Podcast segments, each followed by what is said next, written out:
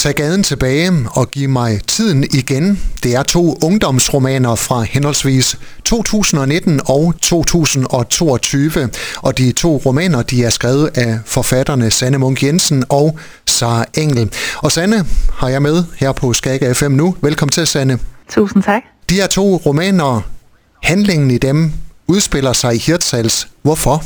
Øh, det gør de af flere grunde, kan man sige. Altså for det første, så synes både Sara og jeg, at når man snakker om sådan, øh, om, øh, om, om ungdomslitteratur i Danmark, så synes vi også, at man er forpligtet til at vise ungdomslitteratur alle steder fra, så man ikke bare får en, en, sådan en, et indtryk af, at, øh, at ungdomsliv kun er noget, der sådan foregår i de store byer. Vi synes også, vi synes også at man sådan er forpligtet til at vise ungdomsliv i provinsen, og vise, at det ungdomsliv, der udspiller sig der, er lige så vigtigt, som det er alle mulige andre steder. Og så ville vi med den første roman til gaden, øh, til gaden tilbage også gerne placere vores hovedperson Polly et sted, hvor hun ikke så let kan komme væk. Altså hvis du fucker op i Hirtshals, så kan du ikke bare lige flytte til en anden skole eller til et andet kvarter på samme måde, som man for eksempel kunne, hvis man nu lod hende vokse op på Vesterbro i København, hvor jeg bor, øh, så kunne hun være flyttet til Østerbro sådan, uden de store problemer. Men vi vil gerne give hende den der sådan trykkover fornemmelse af, at, at hun virkelig har ryggen mod muren og, og selv må rydde op efter sig selv. Men Sanne, du er selv øh, født og opvokset i Skagen og er rundet ja. af toppen af Danmark. Hvorfor var det så ikke øh, Skagen, der skulle være udgangspunktet i de her to ungdomsromaner? Jamen altså, jeg havde ikke lyst til sådan at på den måde udstille den by, jeg selv er vokset op i. Og samtidig så synes jeg også, at Hirtshals kan noget lidt andet, fordi Hirtshals ligger ligesom i sådan en, en krog. Min bedsteforældre er fra Hirtshals, så jeg er kommet der rigtig meget, og det er sådan en by, der har rigtig meget med fiskeri at gøre. Og, altså, man siger, det har Skagen jo også, men Skagen har lidt mere sådan en en, en eksotisk dimension også. Det er sådan et sted, som turister valgfarter til på en helt anden måde, end, end Hirtshals er. Hirtshals har ikke det der sådan glamourøse Ruts Hotel ry. Øhm, så, så det kan noget andet, og der er ligesom sådan en råhed i Hirtshal, som vi synes passede virkelig godt som sådan en kontrast til det her sådan meget glittede øh, ungdomsliv, som Polly hun oplever. Sanne, hvordan kan man sidde i, i København og skrive en øh, ungdomsroman, hvor handlingen udspiller sig i Hirtshals?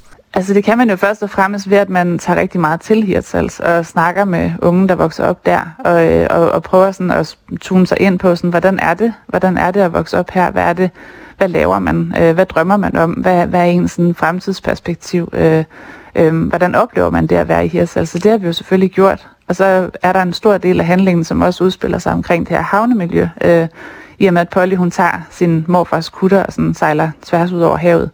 Og der skulle vi ligesom også finde ud af, sådan, hvordan, hvordan kan det overhovedet lade sig gøre. Så vi har været på tur med Hirtshals Fiskeriforening og øh, snakket med dem om altså, øh, både sådan noget praktisk i forhold til, sådan, hvad hedder... Øh, hvad hedder, sådan en, hvad hedder alle tingene på sådan en kutter? Det vidste vi jo ikke noget om på forhånd. Og, og kan det overhovedet lade sig gøre, at en så ung pige kan, kan sejle ud helt selv? Så der var en masse ting, der skulle trygtestes. Så på den måde, når man har det med i bagagen, så synes jeg jo, at det er lidt ligegyldigt, hvor man sidder hen og skriver den. Hvor tæt er handlingen øh, i de to ungdomsromaner på noget, der godt kunne være sket i virkeligheden? Altså, jeg synes jo, det er meget tæt. Altså, det, det er jo nogle, nogle ungdomsromaner, som man ikke behøver at komme fra Hirtshals for at forstå, kan man sige. Fordi det, det handler om, det er nogle meget sådan generelle, universelle emner. Altså, i Tagaden tilbage handler det om Polly, som oplever sådan en, en meget stor sådan, seksuel appetit på livet. Øhm, og i Giv mig tiden igen, der handler det om hendes veninde Kat, som faktisk oplever det modsatte, nemlig ikke at have lyst til sex overhovedet. Så det er jo sådan nogle meget kropsnære, kan man sige, emner, vi har taget fat i på to vidt forskellige måder. Øhm, og, og det synes vi jo kan, altså det synes vi jo ligger enormt tæt på virkeligheden i virkeligheden. Hvad er temaerne i øvrigt i de to romaner?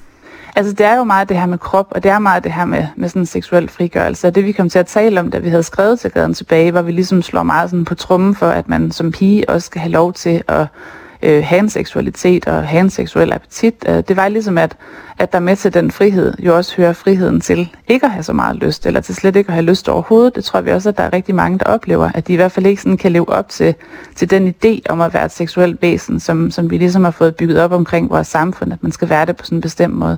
Øhm, og der repræsenterer hovedpersonen i Giv mig tiden igen, som hedder Kat, lidt noget andet. og så repræsenterer hun det, ikke at have særlig meget lyst. Og så kan det godt være, at man som læser ikke nødvendigvis er aseksuel, men måske kan man godt genkende det, at man kommer til at grænseoverskride sig selv igen og igen for at passe ind i en bestemt kasse på en bestemt måde. Hænger de to romaner sammen, eller kan man øh, starte med den nyeste Giv mig tiden igen? Altså, vi har skrevet dem sådan, så du i princippet godt kan starte med Giv mig tiden igen. Altså, det, det er ikke sådan, at du skal have læst den første for at forstå den sidste, men, men der er selvfølgelig en sammenhæng, og der er en historik, og der er nogle nuancer, som man får med på en anden måde ved at have læst dem begge to. Så hvis jeg skulle anbefale noget, så ville det jo være, at man havde læst dem begge to. Hvordan kan man sidde to forfattere og skrive på samme bog? Hvordan griber man det an? Ja, altså det, øh, det er et godt spørgsmål. Vi har grebet det an på den måde, at vi har talt rigtig meget sammen inden, så har jeg, altså om sådan hvad, hvad kan vi mærke, vi har lyst til at skrive om, hvad kan vi mærke, vi sådan begge to er en lille smule indineret over, eller hvad, vi sådan, hvad kunne vi godt tænke os at undersøge. Og der var vi meget hurtigt enige om, at det, det nok var noget med køn. Altså det var, vi,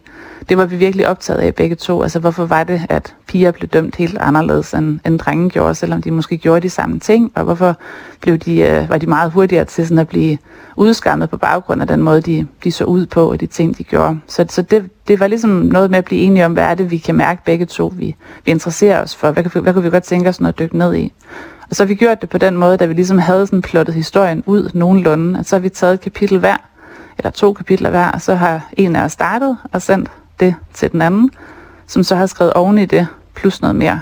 Og efterhånden, som vi ligesom havde fået skrevet os ind på tonen og på karakteren, og havde fundet ud af, sådan, om, om hvor kæk er den her karakter, hvor selvironisk er hun, hvor sårbar er hun, og vi ligesom havde fundet en tone, så kunne vi skrive på det begge to på samme tid. Så kunne vi plotte sådan to kapitler ud til hver, og så skrive på det, og så sende til hinanden. Og så har vi jo sådan skrevet oven i hinanden, så oven i hinanden, så oven i hinanden, indtil vi havde sådan en helt sammensmeltet tone. Det var lidt det, vi synes var det interessante. Altså at prøve at se, hvad sker der, når vi lægger vores stemmer sammen. Der er mange andre forfattere, som har skrevet bøger sammen, hvor de så måske har haft hver sin tråd i historien, eller hver sin karakter at skrive på. Og her der vil vi gerne sådan kun have en, altså som vi ligesom begge to smeltede sammen i. Nu er der foreløbig kommet to romaner, Tag gaden tilbage og giv mig tiden igen, hvor handlingen udspiller sig i Hirtshals. Øh, spørgsmålet er, om der er basis for en tredje. Jamen det synes vi jo, der er.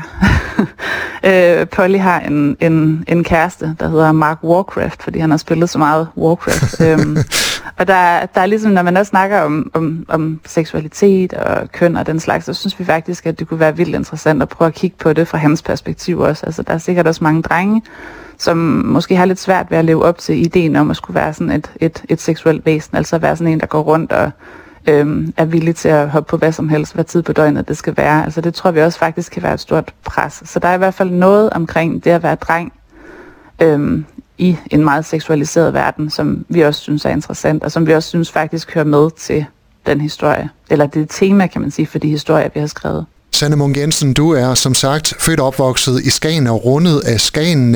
Hvordan afspejler det sig i dit øh, forfatterskab?